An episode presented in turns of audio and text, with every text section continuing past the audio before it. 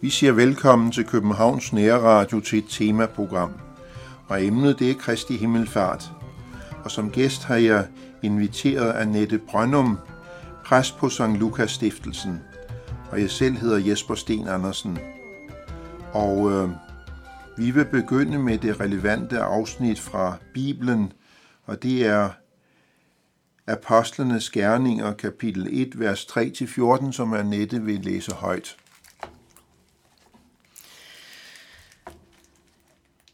Efter sin lidelse og død trådte Jesus frem for dem med mange beviser på, at han levede, i det han i 40 dage viste sig for dem og talte om Guds rige.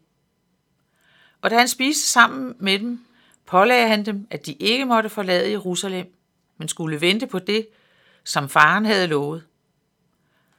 Om det har I hørt mig sige. Johannes døbte med vand, men I skal døbes med Helligånden om ikke mange dage. Mens de nu var sammen, spurgte de ham, Herre, er det nu, du vil genoprette riget for Israel? Han svarede, det er ikke jeres sag at kende tider eller timer, som faren har fastsat af egen magt.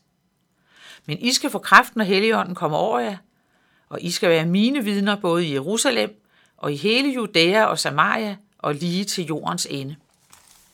Da han havde sagt dette, blev han løftet op, mens de så på det, og en sky tog ham bort fra deres øjne. Som de nu stirrede mod himlen, mens han for bort, se der stod der to mænd i hvide klæder hos dem. De sagde, hvorfor står I og ser op mod himlen, Galileere? Den Jesus, som er blevet taget fra jer op til himlen, skal komme igen på samme måde, som I har set ham fare op til himlen. Så vendte de tilbage til Jerusalem fra Oliebjerget, som ligger tæt ved Jerusalem, kun en sabbatsvej derfra. Da de var kommet ind i byen, gik de op i salen ovenpå, hvor de plejede at opholde sig. Peter og Johannes og Jakob og Andreas, Filip og Thomas, Bartholomeus og Matthæus, Jakob og Alfæus søn og Zeloten Simon og Judas Jakobs søn. De holdt alle i enighed fast ved bønden, sammen med kvinderne og Jesu mor Maria og hans brødre. Tak skal du have, Annette Brøndum. Hvordan fejrede man Kristi Himmelfart i Oldkirken? Ja, fra starten der, der fejrede man øh, øh, Jesu korsfæstelse og opstandelse og øh, himmelfart som en eneste begivenhed.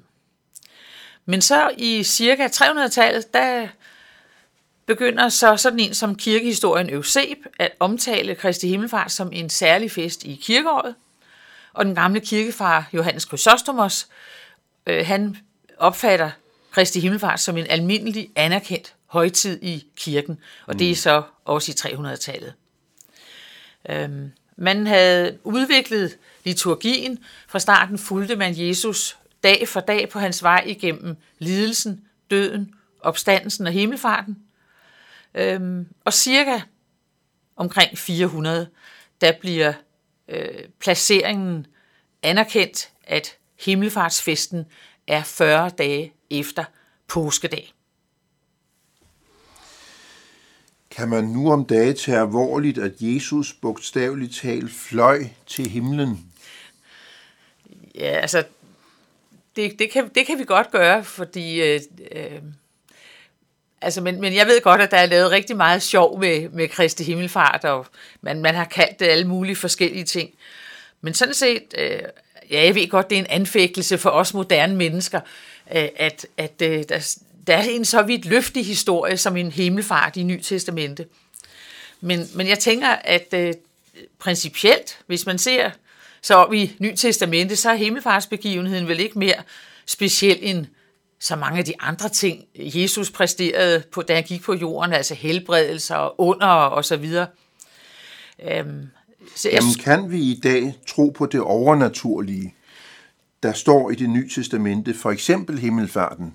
Ja, det synes jeg godt, vi kan tro på. At, at, øh, det, vi kan jo også sige, at vi har den kirkelige tradition med os, for da de gamle fædre mødtes øh, til det første kirkemøde der i 325, når det var, da øh, kom jo himmel, altså opfaret til himmels, det kom med som noget helt naturligt, da man skrev, øh, hvad skal vi sige, sammenskrev, hvad den kristne tro går ud på, altså da man skrev trosbekendelsen. Øh, så, og for os i dag, der må vi sige, at øh, Gud er altid større. Det er også noget, de gamle kirkefædre sagde. Og derfor kan vi kan godt tro, at Jesus er faret tilbage til sin far. Det var en konsekvens af opstandelsen, tænker jeg. Nu har jeg desværre en lidt primitiv tankegang, så jeg spørger endnu en gang. Hvor er Jesus nu? Jamen det, vi tror, altså ja, vi skal lige sige, at vi er jo i ventetiden, inden Helligånden kommer til pinse. Men vi tror, at Jesus er i himlen hos sin far, og at han er her på jorden. Han er også sammen med os her, der hører radio. Han øh, er i vores hverdag og i vores liv.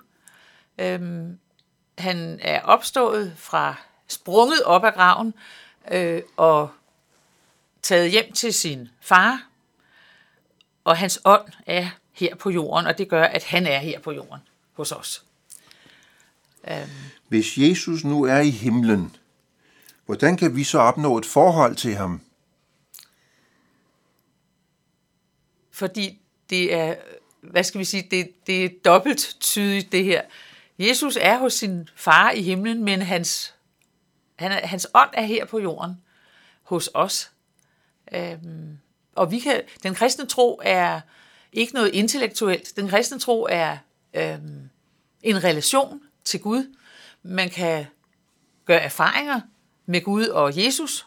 Den gode erfaring, at han er os nær, og måske også den bitre, eller også den bitre erfaring, at der kan ske noget i vores liv, som er svært for os at forholde os til. Øh, så det, vi kan få en relation til Gud, hvis vi indlader os med, med, indlader os med at tro på ham. Men du mener ikke, at man skal opfatte Jesus som sådan en fjern skikkelse, der sidder oppe i himlen ved, ved, ved faderens højre side? Ikke som en fjern skikkelse. Det er sandt, at han er taget op til himlen. Det bestemte Gud, at han skulle. Men så kom så en kort tid efter Helligånden. Øhm, og vi er netop lige nu øh, inden Kristi Himmelfart. Og når vi har, er færdige med Kristi Himmelfart, så venter vi på pinsen, altså ånden, der skal komme ja. og som er årsag til, at Jesus også er her hos os i dag. Det må vi tro. Men det er jo en tro. Det er en tro, det er helt sikkert. Var det ikke en Kirkegaard, der sagde, at troen begynder, hvor tænkningen hører op? Det okay. tror jeg, det var. Hvordan skal vi forestille os himlen? Ja. Hvordan skal vi forestille os himlen? Vi kan jo prøve at vi kan prøve at se, hvad der står i Ny Testamente. Øhm, der står for eksempel i Johannes åbenbaring noget om, at vi, at vi skal, øh, der skal ikke være sorg mere, der skal ikke være gråd, der skal ikke være pine, og så videre. Gud vil gøre alting nyt. Det er en af de ting, vi kan, øh, hvad skal vi sige, forestille os. Øh, men, men ja, du tænker måske på Johannes åbenbaringen. Ja, det gør jeg. Så synes jeg, vi skulle tage det sted fra, fra det nye testamente. Det kunne vi godt. Johannes åbenbaringen, kapitel 21, vers 1-4, hvis jeg husker rigtigt. Det er fuldstændig rigtigt. Det er jo den aller sidste bog i, i, i det nye testamente, og ja. der er jo mange øh, syner og visioner der. Ja, det er meget, meget flot det her. Skal jeg lige læse det nu? Gør du det? Ja. Og jeg så en ny himmel og en ny jord, for den første himmel og den første jord forsvandt, og havet findes ikke mere. Og den hellige by, det nye Jerusalem, så jeg komme ned fra himlen fra Gud, reddet som en brud, der er smykket for sin brudgom. Og jeg hørte en høj røst fra tronen sige, Nu er Guds bolig hos menneskene. Han vil bo hos dem, og de skal være hans folk, og Gud vil selv være hos dem. Han vil tørre hver tårer af deres øjne, og døden skal ikke være mere, ej heller sorg, ej heller skrig, ej heller pine skal være mere. Til det, der var før, er forsvundet. Og han, der sidder på tronen, sagde, se, jeg gør alting nyt. Vi taler om himlen, og det kan jo være lidt svært at få hold på. Kommer vi i himlen, når vi dør? Ja, det må vi godt tro som kristne, at vi gør. Men vi altså vi ved jo ikke, hvor himlen er. Det bliver vi nødt til at sige. Det er ikke sådan noget, der er over skyerne. Vi, vi får ikke at vide, hvor himlen findes henne. Det er ligesom en anden dimension. Ja, det er lige præcis. Det er helt sikkert. Men, men vi må godt tro, at vi kommer i himlen. Øhm, der var engang en, der sagde, at når man er død, er man levende hos Gud. Og det er sådan set den forklaring, vi får. Øh, mere for, forklaring får vi ikke, end at vi må tro, at vi er i Guds hånd, og at vi øh, øh, ja, at der også er håb i døden. Øhm, jeg tænker på det, som Gule Vivi Jensen engang øh, sagde. Døden har også et håb. Der er håb om at blive mødt af Guds kærlighed uden afslutning. Og det at blive mødt af Guds kærlighed uden afslutning, det, det kan man godt sige, det er himlen. Øh, eller et, himlen er jo et, et billedtale, eller hvad man skal sige. Du nævner Gurli Vibe Jensen. Du havde et specielt forhold til Gurli Vibe Jensen. Det er rigtigt. Gurli Vibe Jensen var min lærermester. Ja. Hun var sovnepræst i Helligåndskirken, da jeg øh, startede som præst, øh, da jeg var færdig som teolog. Og der øh, fik jeg en halvtids øh, hjælpepræstestilling inde hos hende. Ja. Vores børn var små dengang, så det passede fint for mig. Og øh, jeg er Gurli meget, meget, meget taknemmelig for alt det, jeg har lært af hende om sjælesorg, om teologi, og også det her med, at hun var en mester i at sige, hvad den kristne tro går ud på. Øh, som for eksempel det her med, at døden også har et håb om at blive håbet om at blive mødt af Guds kærlighed uden afslutning. Ja. Og Gurli døde sidste år øh, i juli måned, det er altså ved at være et år siden, og hun var på vej til de 91. Ja, det, det er også en høj alder. Så det var en høj alder. Ja. Og hun var relativt frisk øh, i de, og havde øh, mange mennesker, der opsøgte hende øh, i sjælesørgeriske anlægner. Hun havde jo noget af et navn her i, i København, det må man jo sige. Ja, hun var omkring 30 år, mener jeg, inde i Helligåndskirken, var hun. Ja. For vel, først hed det vel dengang kapellan, og så sidenhen sovnepræst. Øhm, Ja, øh, som kristne, der tror vi på opstandelsens dag. Hvordan passer det der med opstandelsen, hvordan passer det sammen med himlen? Ja, altså, man kan jo sige, at når vi dør, øh, altså, så, må vi, så må vi tro, at vores ånd er hos Gud. Øhm, vi må tro, at altså, som han, som, som Jesus opstod, sådan skal vi opstå. Ja, Og, og øh, det, må, det må vi i hvert fald tro. Det står der i Nyt Testamente, og hvis vi lægger vægt på, hvad der står der, så er det så er det, det, vi har at holde os til.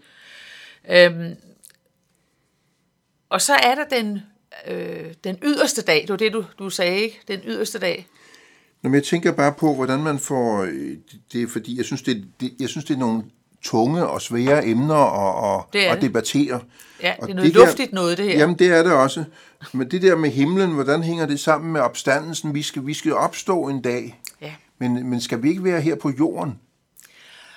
Nej, altså, det, når man er død, er man levende hos Gud. Altså, vi ved jo ikke rigtigt, hvordan det kommer til at foregå, når den yderste dag kommer, eller hvad vi, hvad vi nu skal kalde det. Øh, vi ved det ikke, men vi må tro, at øh, det Jesus siger, han vil være med os alle dage. Og det gælder også dødens dag, og det gælder også den dag, hvor han øh, må komme igen, hvor, som en dag, vi ikke kender, hverken indholdet eller øh, tidspunktet. Øhm, vi må leve i håbet. Det er også et, et håb at leve i, kan man sige. Øhm, det er bare det, jeg, jeg tænker på, og som mennesker, der er vi ligesom skabt til at være her på jorden. Her kan vi ja. Trække vejret, og her kan vi leve, og her, her har vi vores liv. ja, det er Og rigtigt. det, og det evige liv, skal det ikke foregå her på jorden? Altså det evige liv er jo principielt allerede startet, kan man sige, for os hver især. Ikke? Det er sandt. For- Det, det starter, altså, starter med troen på Jesus præcis. Kristus. Det gør det, det gør det. Øh, men, men det, og, det og det fortsætter også. Øh, på, og det er jo det, vi aldrig nogensinde kan fatte, at vi ikke skal dø. Det vil sige, jo, den fysiske død skal vi alle igennem. Den skal være lige igennem. Vi ja. fødes alene, og vi dør alene. Men vi må tro, at vi er i Guds hånd, og at han øh, vil øh, passe på os, eller hvad han nu skal sige, når dødens dag kommer. Og, øh, og også passe på os, indtil den yderste dag kommer. Ja. Men vi, vi, altså, vi fatter det jo ganske enkelt ikke. Det er derfor, jeg sagde, at det er Søren Kierkegaard. Troen begynder, hvor tænkningen hører op. Jamen, det er Og nogle det- det svære vi holde begreber at i. tumle med. Ja, det er meget svært. Det er, det er ikke nemt. Jeg mener at kunne huske fra mine teologistudier og fra mine studier af det nye testamente, at Paulus taler om et opstandelseslæme. Hvordan skal vi forestille os det læme, vi får på opstandelsens morgen? Hvordan ser det ud? Ja, det, det, det, det ved vi vel principielt ikke så, heller ikke så meget om. Øh, men jeg kom til at tænke på det, som... Øh, jeg tror, der er nogen, der vil kende den præst, øh, der hedder Johannes Værge. Han har været inde i Københavns Domkirke, og så... Øh, han er gået på pension nu, og har skrevet mange spændende bøger, og blandt andet den, der hedder Om døden. Og der synes jeg, han siger sådan noget meget godt. Han siger, når vi dør, dør vi ind i Guds virkelighed, og opstår ind i en virkelighed med helt andre lovmæssigheder end de jordiske. Det er sådan set jo også, som vi taler om før, lidt luftigt, men det er jo det, det handler om. Ja. At, at vi dør ind i Guds virkelighed, og det, at det må vi tro. Øhm, øh, altså det, det er opstandelsen, der er, der er det centrale. Øh, og, og fordi Jesus er opstået, så må vi tro, at det skal vi også. Så er vi, så er vi levende hos Gud. Øh, selvom det lyder fan, alt for fantastisk. For det ved vi jo godt, det gør. Hvordan skal vi forestille os det evige liv? Skal vi se vores kære igen? Det er da, det synes jeg da, der er god grund til at tro, at vi skal. Øhm, som sagt ved vi jo ikke rigtigt om, hvordan det kommer til at foregå, men, men vi må tro, at, øh, at Gud øh, vil sørge for os. Øh, jeg kan sige fra min øh, tid som hospicepræst, der har jeg mange gange talt med mennesker om nogen, de ventede på at møde deres ja. mand for eksempel, eller mm. deres barn. Nogen, der var død forud for dem. Og jeg har også lagt mærke til, at, at øh, det gav meget stor trøst og ro i sjælen, at man øh, tænkte på, at man skulle et godt sted hen, hvor man også mødte nogen, man, man har, der har betydet noget for en her i livet. Ja. Øh, og det er jo det er også en klassisk del af den kristne tro, at det, det må vi godt holde fast i, selvom det lyder jo øh, lidt for godt til at være sandt. Det, er vi jo, det ved jeg godt. Øhm. Da vi sad og snakkede om det her, da, da vi forberedte programmet, mm. der kom vi til at tænke på salme 23. Ja, det er rigtigt. Og hvad var det, der var relevant der? Det er jo det her, at Gud er hos os, uanset øh, hvordan det er i vores liv. Både de gode dage og de svære dage. Og ja, endda selv når vi går i mørkets dal, eller altså dødens dal. Ja. Skulle vi lige, jeg tror lige, jeg slår, slår op på, på salme 23, fordi jeg synes, det, det, det, er, det er også en, en salme, der har, der har betydet utrolig meget for, for utrolig mange kristne, også gennem tiderne, altså ikke bare i nutiden, men, men også gennem århundrederne har den været til trøst og, og til opmundring. Så jeg tager lige salme 23, salme af David. Herren er min hyrde, jeg lider ingen nød. Han lader mig ligge i grønne enge. Han leder mig til det stille vand. Han giver mig kraft på ny. Han leder mig af rette stier for sit navns skyld. Selvom jeg går i mørkes dal, frygter jeg intet ondt, for du er hos mig. Din stok og din stav er min trøst. Du dækker bord for mig, for øjnene af mine fjender. Du salver mit hoved med olie. Mit bære er fyldt til overflod. Godhed og troskab følger mig, så længe jeg lever, og jeg skal bo i Herrens hus alle mine dage. Så der er noget med en ny og en gammel oversættelse her. Ja. Fordi der er noget med, at mørkets dal, det hed før noget andet. Ja, det hed dødens dal, ikke? Ja, i dødskyggens dal. Dødskyggens dal, ja. ja tror, det Døds, tror jeg. Ja, det var dødskyggens dal, det er fuldstændig rigtigt.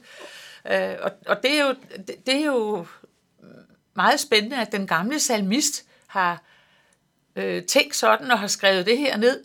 Og det er jo det, som øh, vi ved efter Jesus Kristus har været på jorden og har levet og er død og opstået, at så er det sandt, at også når vi går igennem dødskyggens dal eller mørkets dal, så ja. er Gud hos os. Det må vi tro. Og det, nu, det står i skriften, og så må det tages til så må vi tage det til efterretning. Jamen det, jeg tror, det, det er ord, der har været til utrolig stor opmundring for utrolig mange mennesker. Det er det. Uanset om de er hvide eller sorte eller gule, eller Ja. hvor de kommer fra, så har disse ord haft utrolig stor virkningshistorie i kristenheden. Ja. Og jeg tænker, at øh, jeg- har talt med flere mennesker, som egentlig ikke rigtig synes, de troede på noget. Men øh, det, at, at Gud holder os i hånden, øh, det var, hvor vil jeg dog gerne tro det, som en engang sagde til mig, som, som ikke rigtig havde øh, sådan beskæftiget sig så meget med, med døden. Men det er jo et, meget, et utroligt flot billede af, hvad der sker, når vi dør. At Gud følger os, og vi skal bo hos ham alle vores dage. Ja. Det må vi sige. Vi tog jo vores udgangspunkt i teksten i Apostlenes Gerninger, kapitel 1, vers 3-14. Den taler om, at Jesus skal komme igen. Hvordan skal vi forestille os det? Ja. Vi må forestille os, at der kommer en dag, hvor, hvor øh, Jesus kommer tilbage igen til os. Ja, Og øh, hvor øh, vi ved jo også, at øh, det var også det, hvor vi, vi hørte den før dommer over levende og døde. Altså, vi ved, at der skal ske dom over verden, og dermed dom over os. Men som kristne må vi tro, at øh, Jesus Kristus har overvundet det onde, og at han står imellem, øh, han, hvad skal vi sige, han holder os fast i, i, i dommen. Fordi det, han er vores dommer, der har ført vores sag, som Grundtvig skriver i en af sine salmer. Øhm. Så det er, er Gud kommer, eller Jesus kommer tilbage for at holde dom over verden. Det, den dag vil komme, men vi ved ikke, hvornår. nej, det kan også, det kan også vi, har, vi, har, vi har været inde på, at det er nogle svære tank, tanker at tumle med. Og det her, det er så et af de punkter, hvor, hvor til synligheden går verden jo bare sin gang, og der, der kan det være svært at forestille sig, at- Jesus kommer igen, Ja. rent, rent bogstaveligt. Det kan det. Det kan det. Og der sker så mange onde ting, Det gør som, der, ja. som, øh, som gør, at vi, vi kan ikke forstå, øh, hvor er Gud henne i alt det her. Øh, og der må vi sige, at, at øh, i den kristne tro, der får vi ikke nogen forklaring på det ondes problem på den måde. Der er nogle gåder her i livet, noget vi aldrig får, Ja, ja, vi kommer aldrig overens med det, både i vores eget liv eller alle de ulykker, der sker i vores verden. Men den kristne tro giver ikke en forklaring på det ondes problem. Den giver derimod en besked, nemlig den besked, vi øh, også får her til øh, Øh, en af himmelfartsteksterne, at Jesus siger, jeg er med jer alle dage ind til verdens ende. Det, det, altså, det er, er missionsbefalingen. Nu kommer du fra St. Lukas Stiftelsen, og der har I et børnehospice, og det er en af de ting, jeg overhovedet ikke kan begribe. Det er, at små børn skal gribes eller skal rammes af sygdom, ovenkøbet mange gange en dødelig sygdom. Jeg kan slet ikke begribe det med min lille hjerne. Jeg synes, det er så uretfærdigt. Jamen, vi synes jo, det er uretfærdigt. Og vi synes, at øh, vi, vi fatter ikke, at Gud ikke griber ind. Nej, Vi fatter ikke, at han tillader det onde. Øh, det, og det, kan, det gælder både voksenhospice og børnehospice, at når vi mennesker øh, bliver ramt, vi behøver heller ikke at være på hospice, det er ligegyldigt, hvor vi er, hvis vi bliver ramt af onde tilskikkelser, så er det jo, vi spørger Gud, hvor er du henne? ja. Altså, og vi kan ikke forstå, at øh, vi skal gå igennem det onde. Øh, men, men altså, som sagt, vi, ja, mig bekendt får vi, ikke, får vi som kristne ikke nogen forklaring, men vi får beskeden om, at Gud er med os. Han er også hos os, ligesom du læste før, i mørkets dal, Ja. eller død, dødskyggens dal. Ja. Selv der er han. Når teksten i Apostlenes Gerninger, kapitel 1, vers 3-14, fortæller om Kristi himmelfart, hvordan lægger teksten så op til mission? Øh, ja, det, det gør den øh, også, hvis vi følger kronologien i øh, Lukas evangeliet, lige, som jo er, er lige skrevet af den samme person, Apostlenes Gerninger og Lukas evangeliet. Ja, Og øh, det er der, hvor øh, der i Lukas, kapi- Lukas evangeliets 24. kapitel, vers 46, siger Jesus, at han skal lide og opstå fra de døde på den tredje dag, og i hans navn skal der prædikes omvendelse til syndernes forladelse for alle folkeslag. Og det er jo sådan set grunden til, at, at øh, Kristi Himmelfart er nærmest uløseligt forbundet med, øh, med mission. Øh, altså missionsbefalingen. Ja, Øhm, det, det er det, Gud vil bruge os til hver især. Øh, vi har alle sammen fået den opgave. Alle kristne har den opgave. Og vi bliver ikke spurgt, om vi nu mener, at vi magter det eller ej. Fordi vi må bruge de evner, vi nu har, og, de, og handle på, på opfordringen. Altså, vi skal ikke sidde og stige, hvis man kan sammenligne sig med apostlen der, der står og kigger op mod himlen. Vi skal ikke stå og kigge op mod himlen. Øh, vi øh, skal kigge ud på hinanden ja. øh, i vores verden og vores dagligdag, og i det, vi nu hver især har, har med at gøre. Øhm, Men I skal få kraft, når Helligånden kommer over jer, hedder det i vers 8. ja, det er rigtigt. Hvad var det, disciplerne ventede på? Altså, de ventede på Helligåndens øh, kraft.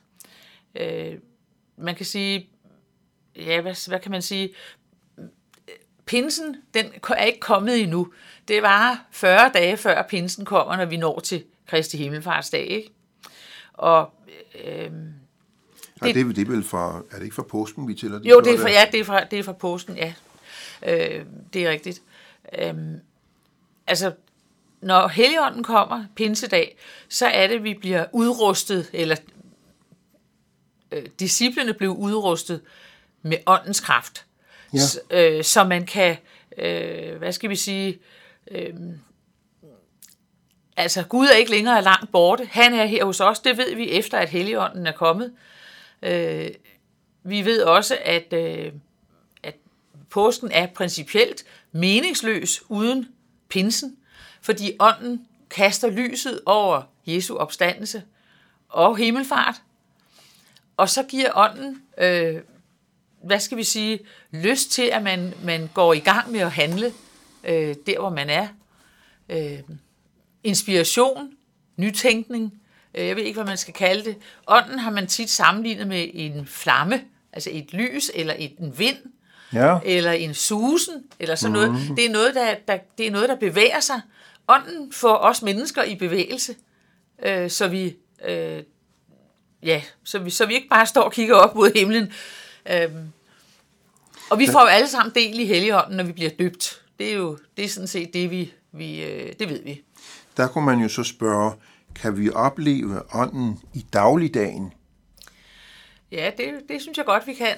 Jeg tror, det, det er ånden, der gør, at vi, øh, at vi måske øh, har en længsel. Jeg tror, mange mennesker har en længsel øh, i sig. Vi længes efter Gud. Vi længes efter Guds kærlighed.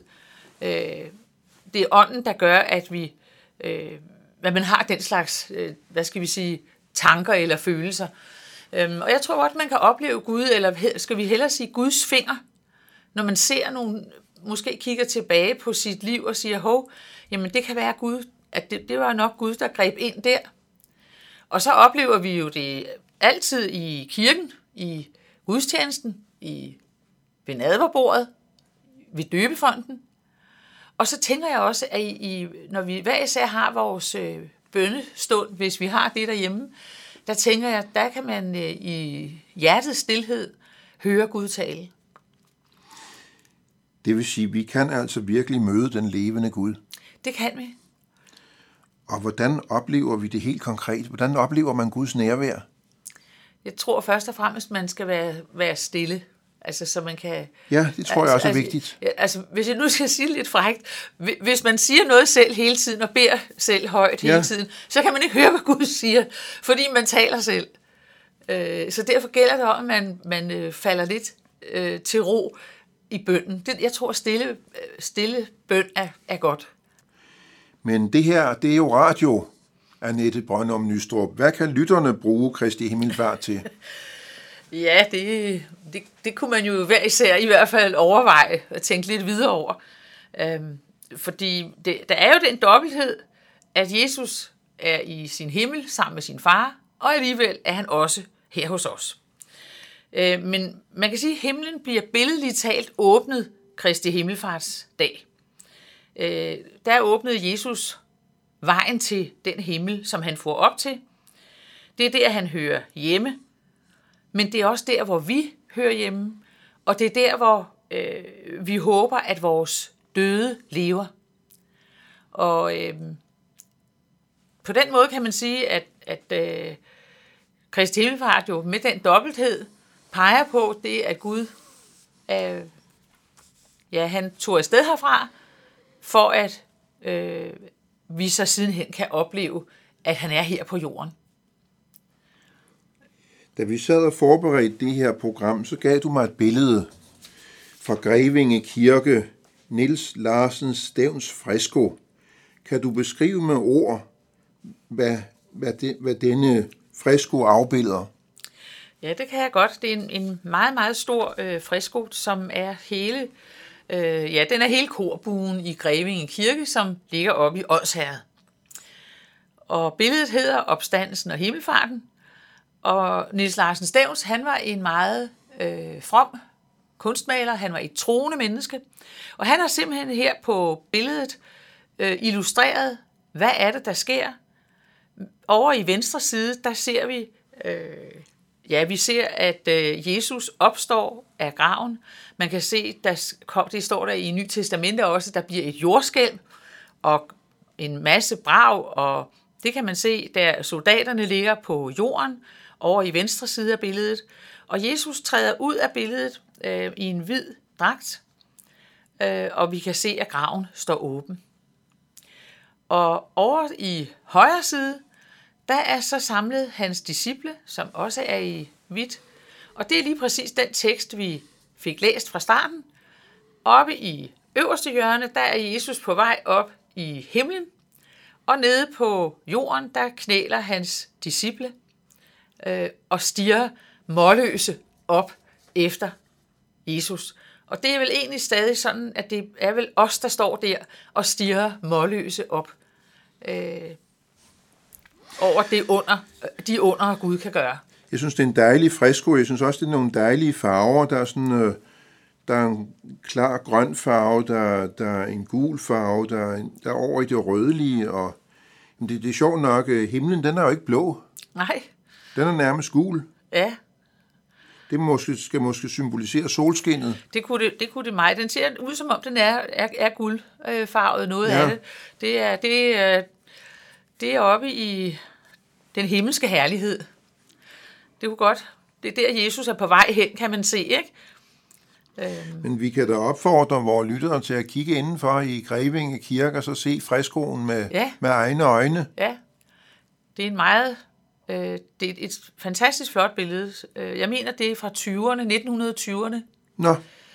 Øh, og så kom det, blev det vist, kom det vist til Grevinge Kirke i nogle par 30, men...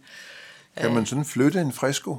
Øh, ja, altså, ja, det har, den har siddet på sidevæggen i Grevinge Kirke. Nå. Og så flyttede man den op i korbuen, hvor den hænger nu. Ja. Øh, og den giver jo den kirke deroppe et det er, en, det er helt fantastisk. Man kan bare sætte sig ind og sidde og kigge øh, på det billede. Der har man faktisk hele, øh, rigtig mange øh, facetter fra bibelhistorien, som man ser her på billedet. Tak skal du have, Annette Brøndum Nystrup, fordi du lagde vejen forbi Københavns Nærradiostudie. Tak til Jan Nørgaard, der sidder i teknikken. Jeg selv hedder Jesper Sten Andersen. Vi siger tak til lytterne, som har fulgt med indtil nu.